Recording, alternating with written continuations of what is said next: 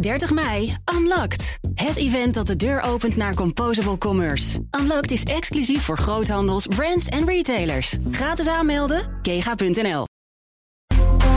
Altijd en overal op de hoogte blijven. Download de gratis BNR-app. BNR Nieuwsradio. The Big Five. Diana Matroos. Personeelstekorten, hoge werkdruk, stijgende zorgkosten, lange wachttijden voor patiënten. Hoewel we natuurlijk trots mogen zijn op de zorg in Nederland, weten we wel, er moet iets veranderen. Ook al omdat we nu al 100 miljard aan zorg uitgeven en het allemaal alleen maar groeit. Is het integraal zorgakkoord van minister Ernst Kuipers de oplossing? Of moeten we veel meer gaan kijken naar zaken als preventie, technologie? Overigens wordt dat ook wel een beetje in dat uh, integraal zorgakkoord meegenomen. Deze week ga ik het allemaal onderzoeken met vier kopstukken in BNR's Big Five van de betaalbaarheid van de zorg. Kijken welke transitie nodig is en hoe moeilijk dat is. Vandaag doe ik dat met Ad Melkert. Hij is voorzitter van de Nederlandse Vereniging van Ziekenhuizen, kort gezegd de NVZ. Maar natuurlijk kennen we hem ook als oud-minister van Sociale Zaken. Hij is PvdA-prominent en ook werkzaam geweest voor de Wereldbank en de Verenigde Naties. Welkom, fijn dat, uh, fijn dat je er bent. Goedemorgen. We hebben afgesproken om te tutoyeren, dus dan uh, uh, weten mensen dat ook. Ontzettend leuk om een uur de diepte in te gaan samen. En ik wil eerst twee belangrijke dingen weten voordat we dat gaan doen. En het eerste is, wat is nou jouw allergrootste zorg als het over de zorg gaat?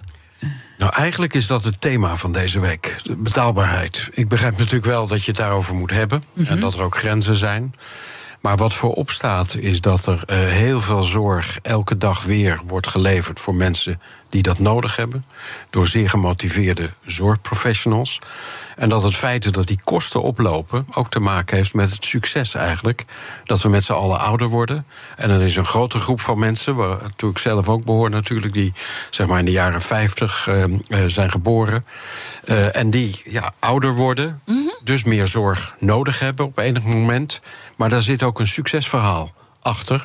Dus laten we er niet al te somber over zijn. Ja, want eigenlijk zei ik, we mogen best trots zijn op onze zorg, uh, ook in ja. Nederland. Hè? Want je vergelijkt maar eens met andere landen. En dat is eigenlijk wat jij ook zegt. Uh, we doen iets bijzonders, maar het is niet meer houdbaar. En dat maakt het wel heel complex natuurlijk. Nou ja, je moet natuurlijk kijken wat je verder ook in de samenleving nodig hebt. En wat de verdeling is tussen wat mensen als uh, individueel, individueel inkomen de ruimte die ze daarvoor hebben.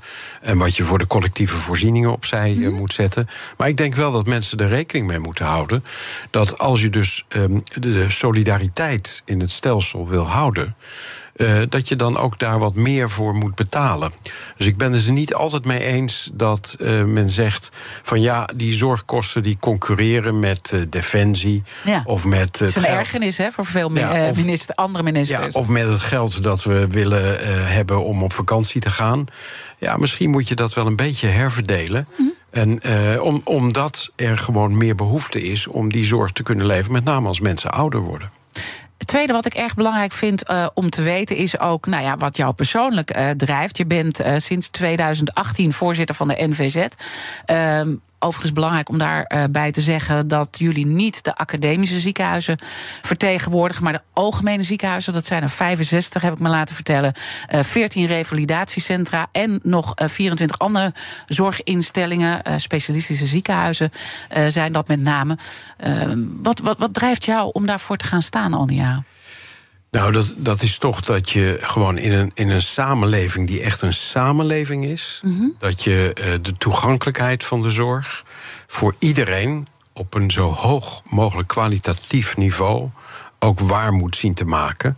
En nou ja, ik heb in uh, mijn uh, loopbaan heb ik uh, zeg maar ook wat bestuurlijke ervaring opgedaan, ja, mag maar zeggen. Mag je zeggen. Ja. En dan, en dan kun je daaraan kun je bijdragen of mm -hmm. probeer je bij te dragen dat het, het systeem waarbinnen dat allemaal gebeurt, dat dat goed loopt, zodat uiteindelijk de patiënt er beter van wordt, er echt kan rekenen op die toegankelijkheid, op die betaalbaarheid, op die kwaliteit. En daar komt heel veel voor kijken, omdat het gewoon een heel ingewikkeld systeem is waarin mhm. we zitten. Maar dat is dan wel wat ik daaraan wil bijdragen. en echt ook vanuit uh, het publieke belang. En dat is de rode draad ook in mijn loopbaan en, en hoe ik ook sta in het leven. Ja, en, en dit is echt een complexe uh, taak ook die jij bent aangegaan hè, vanuit uh, jouw rol. En laten we dat proberen met elkaar te Hè, want mensen hebben wel heel erg meegekregen. Ja, er is ook een integraal zorgakkoord. Hè, en dat staat nu centraal. Later deze week spreek ik ook de minister hierover. over. Het is natuurlijk echt ook zijn akkoord waar die iedereen nu achter heeft gekregen. Is het een mijlpaal? Mag ik het zo noemen? Ja, het is, het is wel een hele belangrijke stap. Uh, veel verder op weg naar een, uh, zoals het woord, uh, eigenlijk de titel al zegt, een meer integrale samenwerking. Dus dat je niet alleen vanuit, in mijn geval, vanuit het ziekenhuis redeneert. Maar eigenlijk, zoals ik wel eens heb gezegd, een ziekenhuis zonder muren zit, ziet.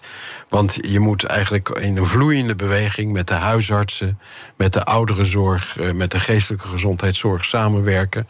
En niet vanuit die instelling of vanuit de hokjes van de sectoren mm redeneren. En het integraal zorgakkoord is wel, denk ik, een, een eerste keer dat zoveel partijen hun handtekening daaronder hebben gezet, maar nu ook bezig zijn om dat in de praktijk waar te maken. Dat, uh, dat is niet simpel. En uh, dat is ook niet altijd heel vanzelfsprekend hoe dat gaat, maar het moet. Daar, daar is iedereen het over eens. En er wordt ook op veel plaatsen heel hard aan gewerkt. Wat maakt het nou het meest complex om deze transitie. Want het staat echt voor samenwerken. En we gaan met elkaar nog de diepte in wat dat dan allemaal uh, is. Maar dat het zo complex is om het uit te voeren. Want binnen ziekenhuizen bestaat ook nog weinig geloof dat het integraal zorgakkoord op korte termijn een echte verandering in gang zet. Blijkt uit onderzoek van organisatieadviesbureau IGNH. Nou ja, dat is maar één momentopname, zo zijn er meerdere momentopnames. Wat maakt het nou zo complex? Ik denk dat er twee uh, oorzaken zijn. Uh, het ene is dat uh, alle verandering is voor mensen moeilijk. Ja. dus ziekenhuizen of huisartsen, die zijn gewoon gewend al decennia lang, eigenlijk al eeuwenlang zou je kunnen zeggen, om meer vanuit hun eigen professie te werken. En minder eigenlijk te kijken naar wat er voor of erna zit. Uh, en het tweede is dat wij een systeem hebben in uh, Nederland. Uh, dat in 2006 is geïntroduceerd, hè, de, de zogeheten gereguleerde marktwerking. En je ziet nu in een tijd dat samenwerking voorop moet staan. En dat er bovendien schaarste is aan personeel. En in wezen dus ook wel aan uh, financiële middelen. Dat je eigenlijk toch veel meer die samenwerking voorop moet zetten. En dat concurrentie eigenlijk niet langer meer werkt. En dat zit ons echt in de weg. Want um, uh, ziekenhuizen die zijn bijvoorbeeld, uh, of die worden geacht uh, hun eigen broek op te houden. Gewoon als instelling elk jaar weer te laten zien dat je een rendement uh, kunt maken. Uh, en waarbij dus je dan baat hebt om wat meer verrichtingen in je ziekenhuis te hebben. Waar waarvoor je betaald krijgt door de verzekeraar. Uh, terwijl we tegelijkertijd zeggen van ja, maar je moet eigenlijk het aantal van die handelingen moet je terugbrengen. Je moet kijken of je het niet kan, uh, eerder kan doen via digitale uh, afspraken, via beeldbellen. Of dat je zelfs door mhm. meer in te zetten op preventie voorkomt dat mensen in een ziekenhuis komen. Maar ja, dan zegt de ziekenhuisbestuurder aan het eind van het jaar wel, hoe krijg ik het nog rond? Ja. Dus je zult dat systeem ook in zijn, in zijn regulering en in zijn financiering anders moeten inrichten als je die samenwerking echt serieus wil nemen. En dat is eigenlijk ook uh, waarom je meteen, uh, terwijl dat akkoord nog maar net, hè, de pen, uh, de inkt was nog maar net opgedroogd, eigenlijk ook om meer geld vroeg voor die ziekenhuizen. Ja, dat, dat is ook nodig. want we hebben eigenlijk het zijn twee bewegingen. We hebben afgesproken in het integraal zorgakkoord dat nou juist de ziekenhuizen ook de komende jaren eigenlijk minder gaan groeien. Tot zelfs een nulgroei in 2026. In de veronderstelling dat er meer in de eerste lijn, hè, dus bij de huisarts of de fysiotherapeut, Ehm, wordt aangeklopt en dat mensen niet in het ziekenhuis terecht hoeven te komen. Maar tegelijkertijd worden we wel geacht te investeren in digitale systemen, in duurzaamheid. En is daar bovenop gekomen het mhm. probleem van de inflatie, de energiekosten en ook de loonkostenontwikkeling. Ja. Een hele dure CAO die we hebben moeten afspreken. En dan is, is dus eigenlijk het netto resultaat dat die ruimte om te investeren in dat nieuwe werken. Mm vooral eh, veel meer mensen vanuit huis eh, te, te ondersteunen. Ja, daar is dan geen ruimte voor. En daar, daarom kloppen wij dus op de deur van de minister. En ik merkte toch dat er ook wat irritatie was van... jeetje, dan meteen om geld vragen. Hè? Dus ook gewoon de experts die in deze wereld rondlopen. Ja, we moeten, we moeten weten allemaal, we moeten het betaalbaar houden. En dan hebben we zo'n akkoord gesloten. En dan komt de roep om geld. Wat zeg jij tegen die mensen die daar kritisch over zijn? Nou, uh, dat we een paar miljard ombuigen in de komende jaren. Daar hebben we onze handtekening voor gezet. Die handtekening die staat. Maar dat we niet wisten dat op dat moment de inflatie, de energiekosten en die loonkosten echt de pan uit zouden reizen. Dus het is eigenlijk heel simpel. Als daarvoor geen compensatie uh, wordt geboden, dan gaat het tempo van die verandering dat gaat naar beneden. En de mogelijkheid om te investeren in vooral die digitale kennis en die, die, um, die software en die apparatuur die je daarvoor nodig hebt, dat gaat op de wat langere baan geschoven worden. En dan komen we onszelf dus tegen. The Big Five. Diana Matroos. Mijn gast is Ad Melkert. Hij is voorzitter van de Nederlandse Vereniging eh, van Ziekenhuizen. En eigenlijk komen we misschien wel precies ook op het pijnpunt. En dat is, nou ja, alle financiële stromen en hoe dat systeem ook is opgebouwd. Dat moet nu naar een transitie. En dan zeg je, ja, daar hebben we dus ook meer uh, geld voor nodig uh, om te investeren. Maar dan zegt uh, Peter Bennemeer, hij is oud-bestuursvoorzitter van ziekenhuis Bernhoven. Dat is ook onderdeel hè, van, de, van de MVZ. die zegt, ons zorgsysteem is gericht op productie. En eigenlijk zit het echte probleem in het feit dat, ja, dat er een productieprikkel is. En dat moeten we eruit halen. Zij doen trouwens ook heel bijzondere dingen als ziekenhuis. Daar gaan we komen zo wel over te spreken. Maar heeft hij gelijk? Is dat eigenlijk het probleem? Ja, die productieprikkel die moet eruit. Um, er is bijvoorbeeld uh, afgelopen jaar een interessant contract gesloten tussen verzekeraars Zilveren Kruis voorop met het Maastad ziekenhuis in Rotterdam. Uh, waar uh, is afgesproken dat eigenlijk de waardetoevoeging voor de patiënt voorop staat. En dat betekent dat je een vaste vergoeding geeft aan het ziekenhuis. En dat het ziekenhuis dan um, uh, eigenlijk alle middelen inzet om um, die patiënt goed te helpen. Dat kan thuis, dat kan in het ziekenhuis, dat kan via beeldbellen, thuismonitoring uh, gebeuren. Uh, en dan ga je dus op een andere manier werken. En dan hangt het er niet vanaf van uh, hoeveel keer een patiënt bij de polykliniek komt, of hoeveel keer er toch weer foto's moeten worden mhm. genomen, mm -hmm. of diagnoses moeten worden gesteld in het laboratorium. Dat, dat gaat dan veel meer uit van wat de patiënt nodig heeft dan dat zeg maar, het laten draaien van de instelling uh, voorop staat. Um, en dat is denk ik een hele goede beweging, die uh, heel veel verandering ook vraagt. Bijvoorbeeld ook van medisch specialisten. Want uh, de vrijgevestigde medisch specialisten die, uh, ja, die zijn ook wel afhankelijk van het aantal verrichtingen ja, wat zij doen. Ja. Dus die zullen ook anders moeten gaan werken. Het hele verdienmodel van de vrijgevestigde specialist zal, denk ik, op de helling uh, moeten. Uh, om uh, ervoor te zorgen dat die patiënt voorop staat. En dat je dus niet in je financiële systeem eigenlijk de verkeerde prikkels hebt. En, en is dat dan een vorm van basisfinanciering voor ziekenhuizen die je zou moeten creëren? Ja, dat, een vaste vergoeding. En, en daarbij komt inderdaad ook nog een, een, de noodzaak volgens mij van een basisfinanciering. Hè, dat instellingen niet in de eerste plaats bezig zijn met uh, besta ik morgen nog wel. Um, maar dat uh, de beschikbaarheid van hun infrastructuur is gewaarborgd. En dat dan vervolgens wordt van hen kan worden gevraagd om ook anders te gaan werken. Ook aan taakverdeling te doen. In het Integraal Zorgakkoord is afgesproken om dat er naar concentratie en spreiding wordt toegewerkt. Bijvoorbeeld op het gebied van oncologie of de hart- eh, en vaatchirurgie. Ehm, en ik heb ook met minister Kuipers wel besproken.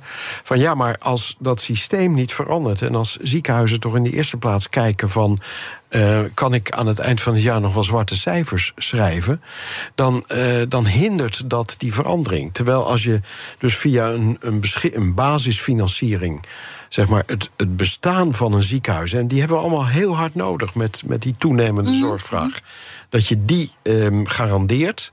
Dan kun je aan de, daar tegenover ook vragen. En nu moet je meewerken aan uh, taakverdeling, concentratie van de hoogspecialistische ingrepen en spreiding van de laagcomplexe. Uh, maar, maar, maar, gaan we dan minder geld kwijt zijn of gaan we alleen maar meer geld? Hè? Want we zitten nu even voor, voor de duidelijkheid nog op die 100 miljard, waarvan je zegt ja, andere ministeries moeten ook niet zo zeuren, hè? want dit is gewoon uh, ja, wat we met, met z'n allen willen. Je, we willen dat we goed verzorgd worden. Dus laten we daar niet aan gaan knabbelen. Maar als we dit dan om gaan draaien, wat betekent betekent dat dan onderaan de streep, probeer ik me voor te stellen? Nou, onderaan de streep zou dat nog steeds naar die nulgroei toe moeten werken voor de ziekenhuizen. Mhm. Want misschien is het wel belangrijk om te zeggen: die 100 miljard, dat is niet allemaal ziekenhuizen. Ziekenhuizen is een kwart tot een derde daarvan. Ehm, de grote groei van de uitgaven zit in de ouderenzorg, dus buiten eh, de ziekenhuizen. Uh, en, en dat gaat natuurlijk alleen nog maar toenemen, omdat gewoon het demografisch gegeven is de komende twee decennia. Dan wordt, uh, geloof ik, ongeveer een kwart van de bevolking uh, boven de 65. En dat zal zijn gevolgen ook hebben mm -hmm. voor mhm. de manier waarop je de ouderenzorg organiseert. Maar omdat nu ook veel ouderen eigenlijk ten onrechte of niet altijd noodzakelijk in het ziekenhuis terechtkomen, zit daar ook wel een opdrijvende werking die je ook weer kunt ombuigen als je veel beter in de keten, zoals dat heet, gaat samenwerken. Ja. En, en toch zie je ook heel veel kritiek hè, met dat samenwerken. Want uh, kijk maar naar die kinderartschirurgie. Nou, uh, de, de, media bulkte van de verhalen van uh, dit, dit moet zo niet. dus je ziet uh, hoe ontzettend moeilijk het is. Ik herinner me ook nog uh, Mark Kramer, uh, voorzitter van de Landelijke Acute Zorg, met een uitgebreid kerstinterview in de Telegraaf. He, de, de, ieder, iedereen moet een beetje gaan nadenken van we kunnen niet meer een compleet ziekenhuis zijn. En ziekenhuizen vinden dat ontzettend moeilijk.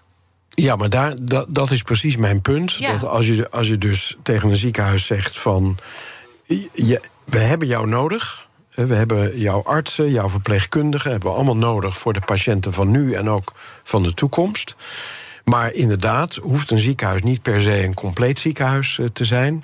Kun je ook in de acute zorg kijken van uh, wie in de nacht open is, bijvoorbeeld in een bepaalde regio. Uh, hoe je die taken verdeelt.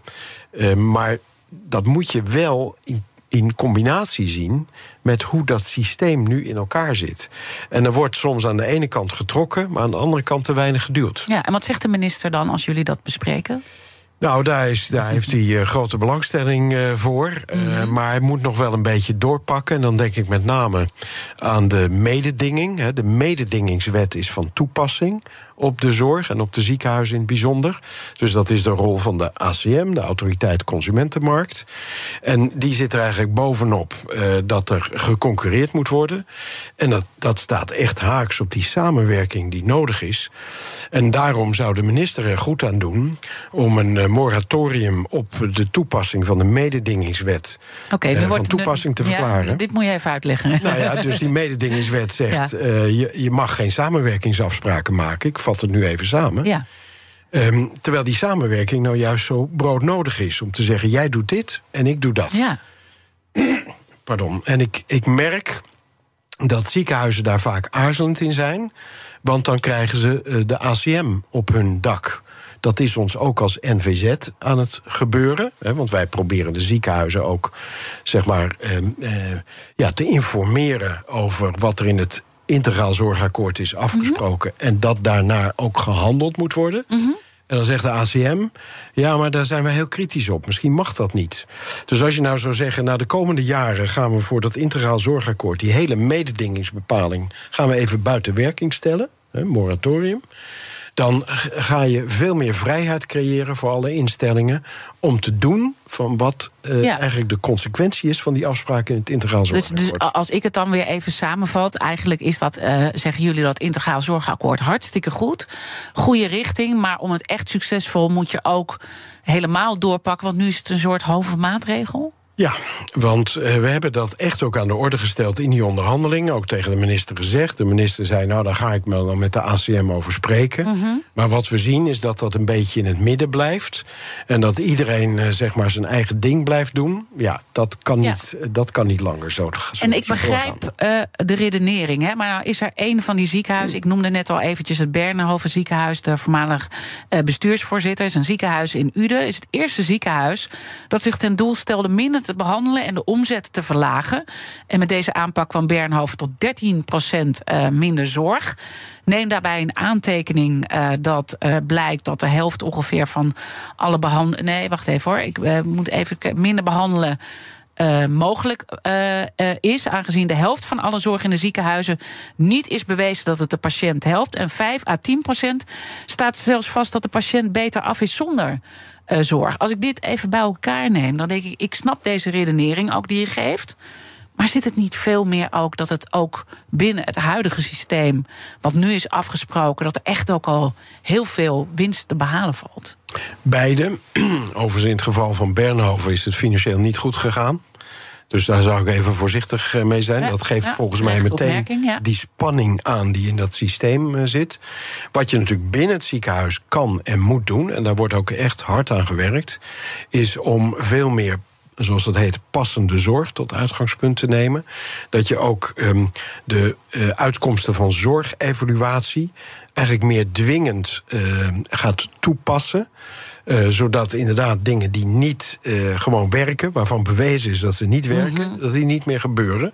Daar worden nu echt flinke stappen in gezet. Dingen die nog niet bewezen zijn, dat is lastiger. Want heel veel van de dingen die in een ziekenhuis gebeuren, zijn nog niet per se wetenschappelijk bewezen dat het ook echt um, helpt.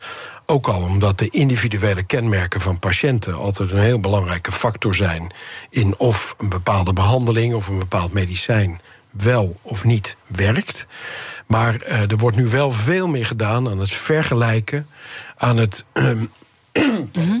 aan het. Um, uh, het bij elkaar brengen eigenlijk van goede praktische voorbeelden. Maar ook dat grijpt weer in in zeg maar die uh, concurrentie. Dat iedereen gewoon op zichzelf bezig was. Ja, want dan moet je, moet je zeggen van oké, okay, wij doen het zo. Dit is ons succesverhaal. Ja. We delen even het recept, het geheime recept uit onze keuken. Ja, en, ja. en, en dat, dat zit dus soms in de weg. En het raakt natuurlijk ook aan de professionele, professionele autonomie van de medisch specialist. Die ook veel meer met elkaar moeten gaan samenwerken en het niet alleen zelf uh, kunnen bepalen. En nogmaals, er zijn hele goede mm -hmm. voorbeelden van. Maar er zijn ook wel praktijken waarvan je denkt, die praktijkvariatie, die verschillen die er zijn tussen het ene en het andere ziekenhuis, die zijn te groot. Dat moet veel meer naar elkaar toegebracht worden. En daar staat grote druk op. En daar steun ik ook minister Kuipers in. Dat die druk uh, ook echt uh, verder moet worden opgepakt door met name de medisch specialisten. En hoe dat uh, Ad Melkert als voorzitter van de NVZ gaat lukken, hoe die die mensen allemaal meekrijgt uh, in dat verhaal, dat gaan we zo meteen uh, bespreken. En ook welke ziekenhuizen er in de gevarenzone financieel dreigen te komen. Blijf luisteren. Zeg ZZP'er, heb je nou nog geen arbeidsongeschiktheidsverzekering? Insafai heeft de AOV die wel betaalbaar is. In 15 minuten geregeld, 100% online. Krijg nu 20% korting in je eerste jaar via insafai.nl/slash radio. 30 mei, Unlocked. Het event dat de deur opent naar Composable Commerce. Unlocked is exclusief voor groothandels, brands en retailers. Gratis aanmelden, kega.nl.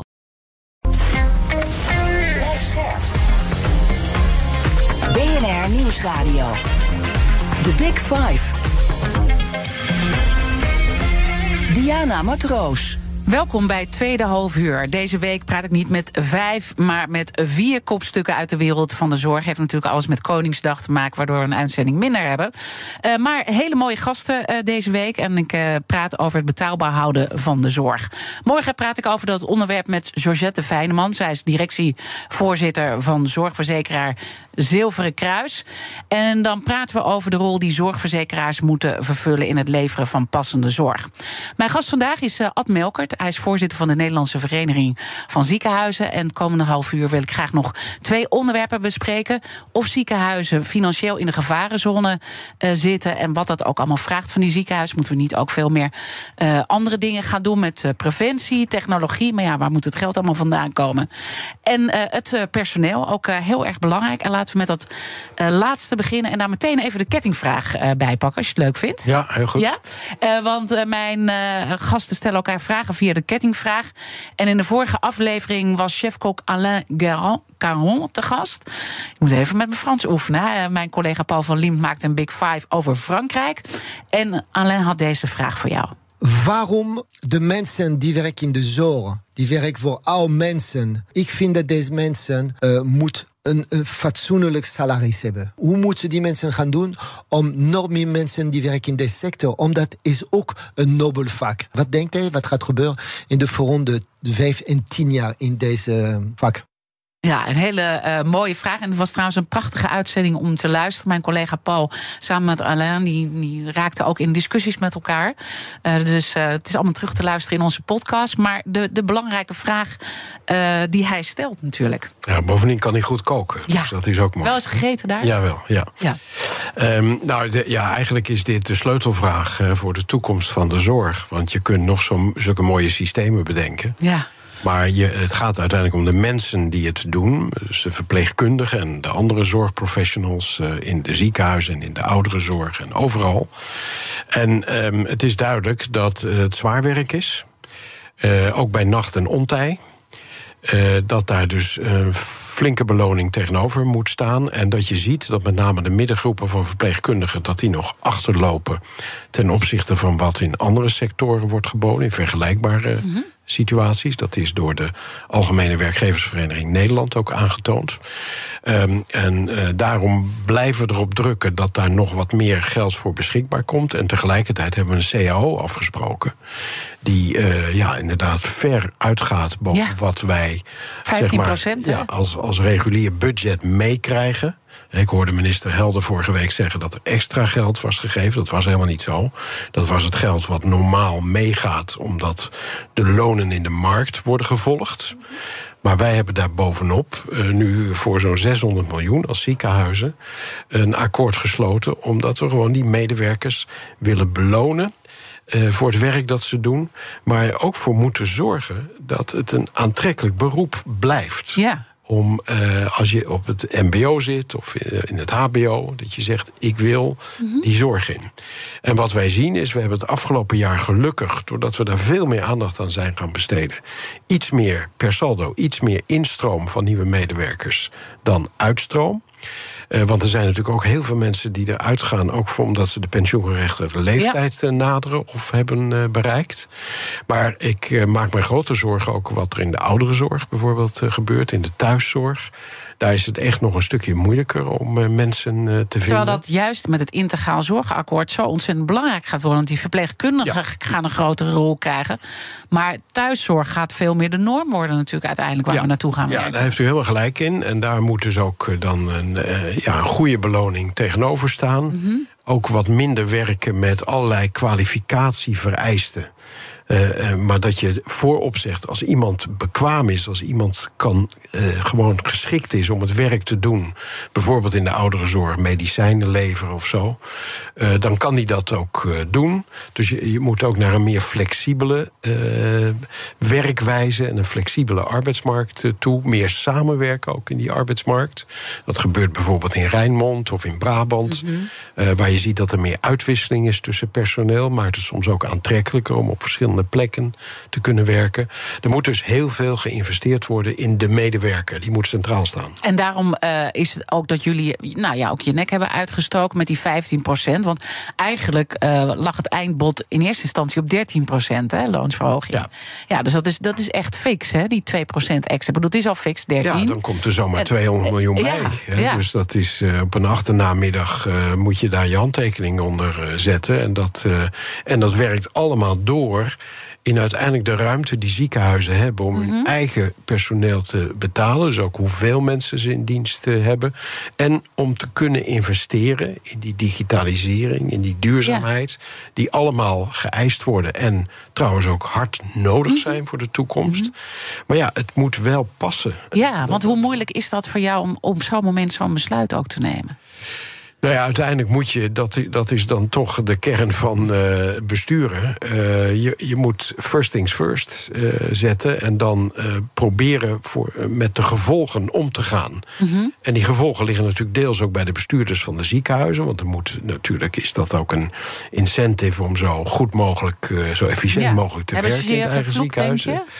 Nee, want dit doen we samen met de leden. Dit mm -hmm. doen we natuurlijk niet in mijn eentje of met het NVZ-bestuur. Dit we hebben zeer regelmatig dan met onze 100 leden uh, ledenvergaderingen. Mm -hmm. die uiteindelijk het mandaat bepalen. Maar, maar, maar neem je dan wel de rol dat je zegt: we moeten dit gewoon doen? Ja, ik, want het is niet makkelijk. Want die, die, ja. die, ik, ik bedoel, ik heb ook uh, niet lang geleden een uh, ziekenhuisbestuurders uh, gesproken. Ja, die zitten echt met de handen even in het haar. Nu. Ja, je probeert natuurlijk wel aan te geven van wat moeten we nu voor opstellen. En mm -hmm. ja, niemand kan eromheen dat een ziekenhuis betekent eigenlijk niks als die medewerkers er niet zijn en ook niet gemotiveerd zijn om ja, bij nacht en ontijd beschikbaar te zijn voor de patiënt. Um, dus dat staat voorop. En dat is, kijk, dat is niet alleen een zaak van uh, de minister van VWS. Dat is net zo goed een, een zaak van de minister van Economische Zaken. Want in het bedrijfsleven mm -hmm. wordt ook met argusogen gekeken naar bijvoorbeeld het ziekteverzuim. Wat na de COVID-periode in veel sectoren hoger ligt dan wat het daarvoor was.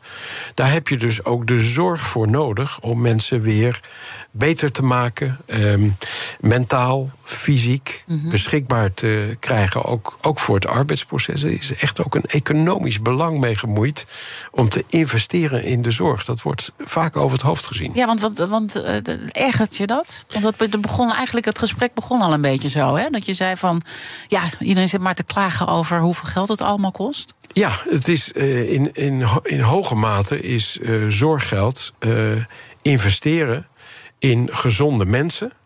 Uh, en uiteindelijk ook um, kwaliteit leveren, kwaliteit van leven bieden aan mensen die gelukkig uh, gemiddeld ouder uh, worden. Mm -hmm. dat, zijn, dat zijn dus positieve maatschappelijke factoren.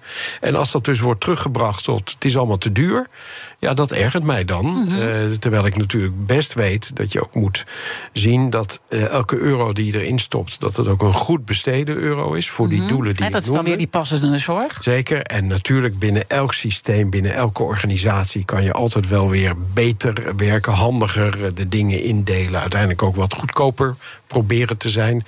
Dat geldt voor iedereen. Uh, maar um, uh, vergis je niet in wat het ook in de toekomst zal blijven kosten.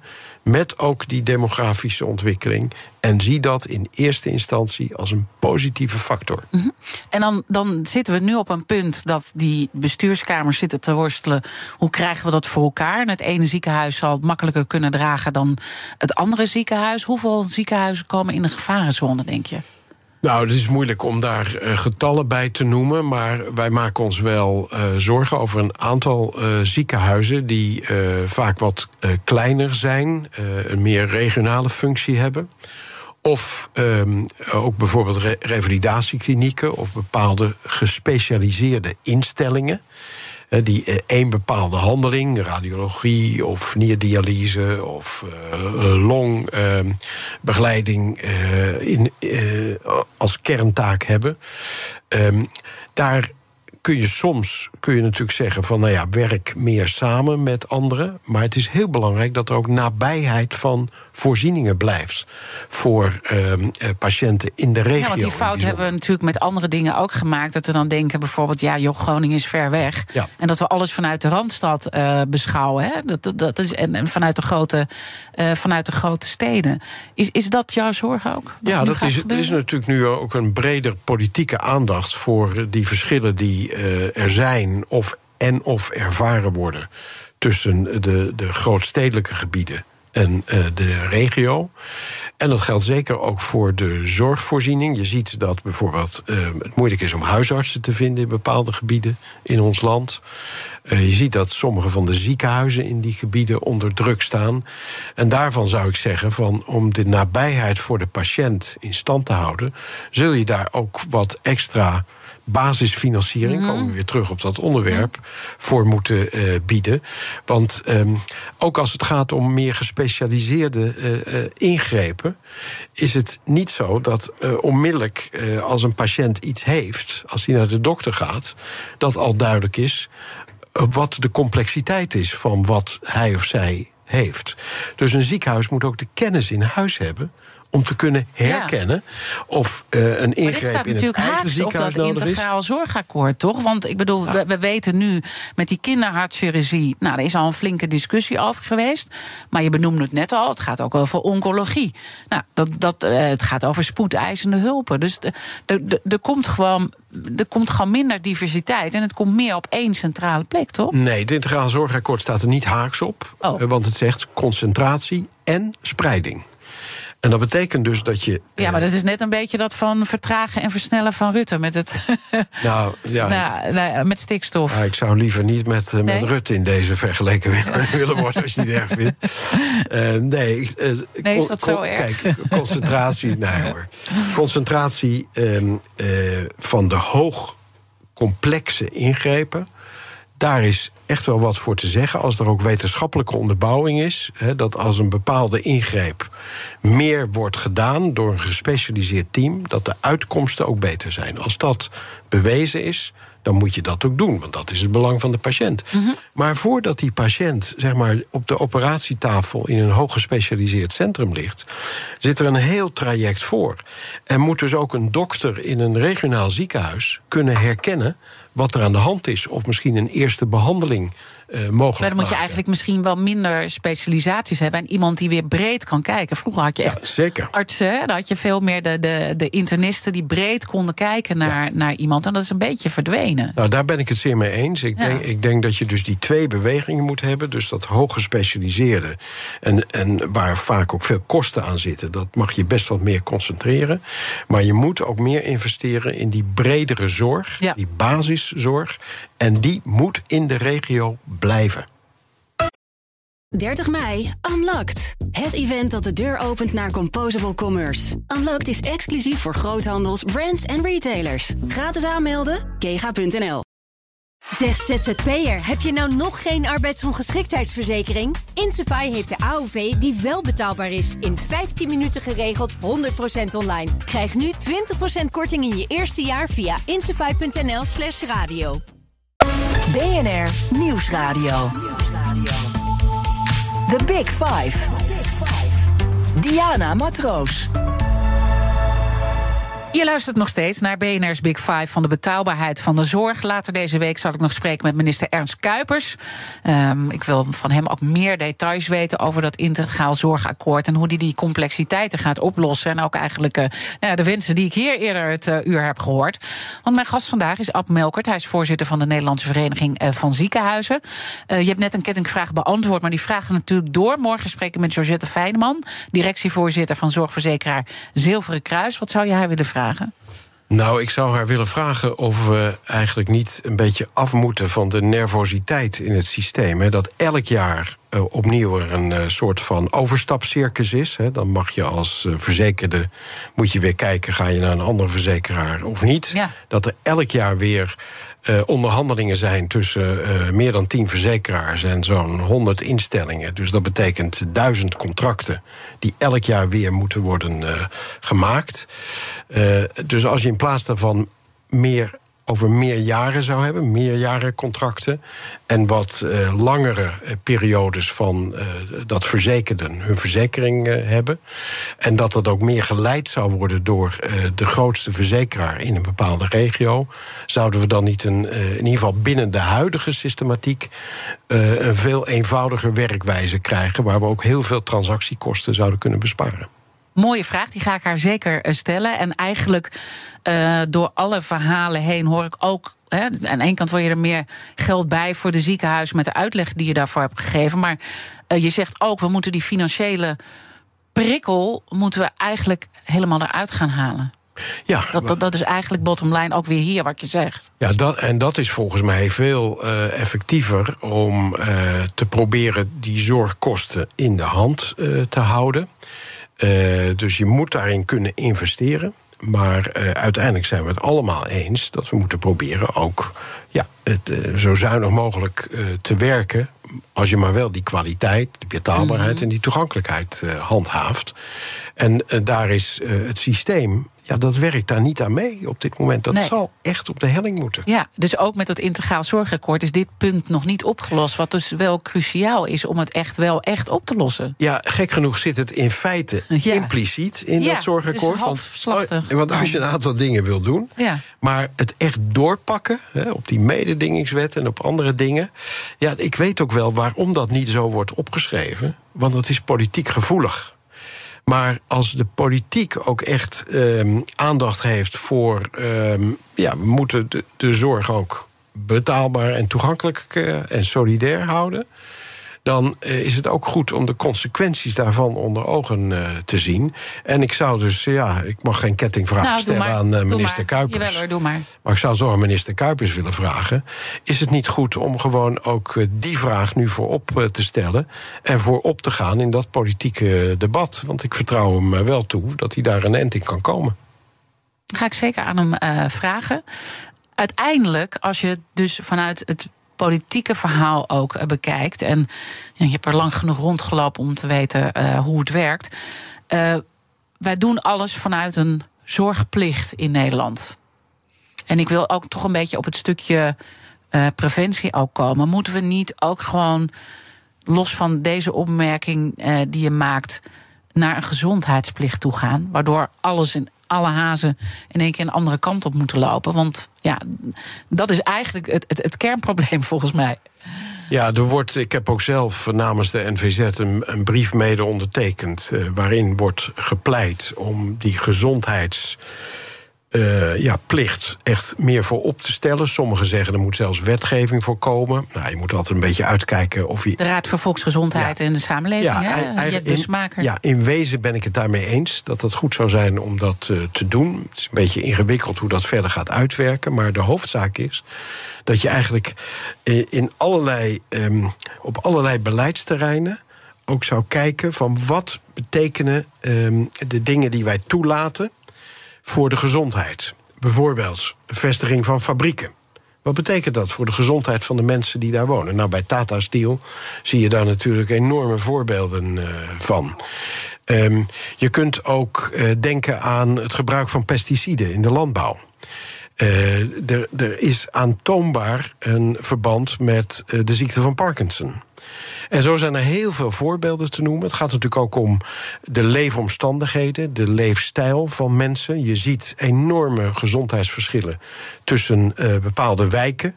Uh, wijken in Rotterdam Zuid vergeleken met Kralingen, zou ik maar zeggen. Uh, dat zijn echt jaren van verschil, vele jaren van verschil in het leven in goede gezondheid en het uiteindelijk overlijden. Dat is niet aanvaardbaar. En daar zal dus meer in uh, geïnvesteerd moeten worden. En gelukkig komt er ook wat meer aandacht voor wat wordt genoemd de publieke gezondheidszorg. Mm -hmm. Bijvoorbeeld ook de rol van de GGD. Niet alleen vaccinatie, niet alleen het consultatiebureau bij kleine kinderen, maar misschien ook door de levensloop heen. Ja.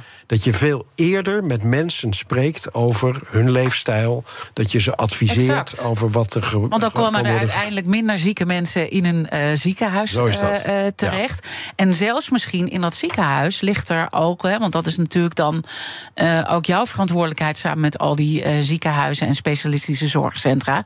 Moeten ook in die spreekkamer niet veel meer, ook al heb je iets ernstigs, veel meer over die leefstijl gesproken worden en over uh, toch hoe je ook zelf veel meer kan doen dan alleen met een pilletje slikken en met een receptje de deur uitgaan. Ja, en wat je zelf kunt doen, dat is heel goed dat u die vraag stelt. Want mm -hmm. we kijken natuurlijk vaak naar de zorgverlener.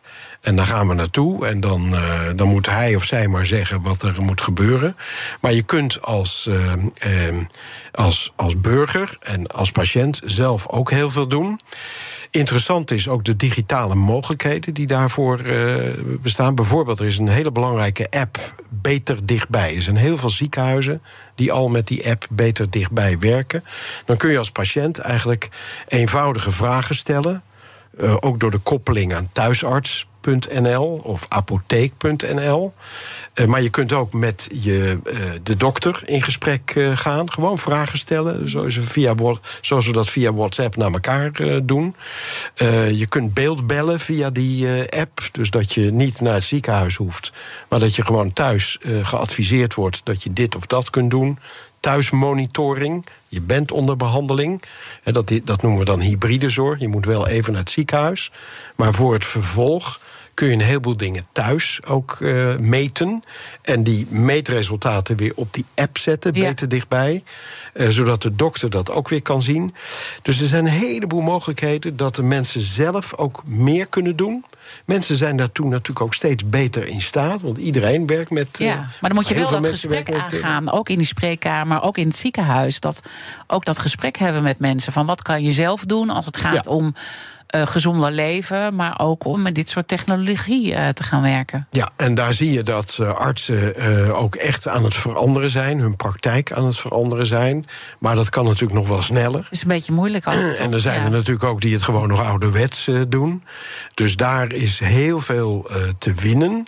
Uh, en uh, dat is uiteindelijk ook de wijze waarop je zeg maar, die toenemende zorgvraag beter kunt gaan opvangen. En dat spoort natuurlijk ook met hoe wij, uh, ook zeker steeds meer nieuwe generaties, gewoon digitaal zijn opgegroeid. Ja, waarom kun je dat dan ook niet in de zorg doen als je mm -hmm. dat wel met uh, Spotify of met YouTube ja, kan doen? Terwijl er ook wel weer allerlei zorgen zijn natuurlijk over technologie. Hè, dus dan moet je ook wel weer bewaken. Ik bedoel, ons elektronisch patiëntendossier is een groot goed. En als je steeds meer informatie, hè, ik heb ook zo'n watch om die van alles bijhoudt. Maar soms denk ik ook wel, ja, ben ik dan misschien toch een beetje te makkelijk of zo. Nou ja, dat, je, je moet, kijk, de data die je verzamelt, die moet, daar moet natuurlijk wel iets mee gedaan worden. Ja. En wat je vaak natuurlijk ziet, is dat er enorm veel data worden verzameld. En wat doen we ermee? Maar daar wordt wel hard aan gewerkt. Er is uh, vorige week in de Eerste Kamer de wet op de elektronische gegevensuitwisseling aangenomen. En dat geeft nu ook een basis om veel meer ook die patiëntgegevens uit uh, te wisselen. Maar ook de verpleegkundige overdracht of de medicatieoverdracht beter te regelen. Dat ondersteunt dus weer die ketensamenwerking. Die we in dat integraal zorgakkoord zo centraal hebben gesteld. Dus er is eigenlijk wel een stille revolutie gaande. Ook met alle klachten die we hebben. Ik zelf ja. ook. Ik klaag ja. over van alles en nog wat. En toch gebeurt er wel enorm veel op dit moment. Ik denk dat dat hele mooie woorden zijn om uh, mee te eindigen. Want ik heb natuurlijk nog duizend en één vragen. Maar dat komt een andere keer en later deze week ook met de andere gasten. Maar heel erg dank heel uh, voor je komst. Uh, Ad Melkert, voorzitter van de Nederlandse Vereniging van Ziekenhuizen. En luister alles terug van de Big Five. ga naar onze app, abonneer je daarop via je favoriete podcastkanaal. Maar het allerbelangrijkste, blijf live. Iwan Verrips met BNR Breekt. Ik wens je een mooie dag. 30 mei, Unlocked. Het event dat de deur opent naar Composable Commerce. Unlocked is exclusief voor groothandels, brands en retailers. Gratis aanmelden, kega.nl.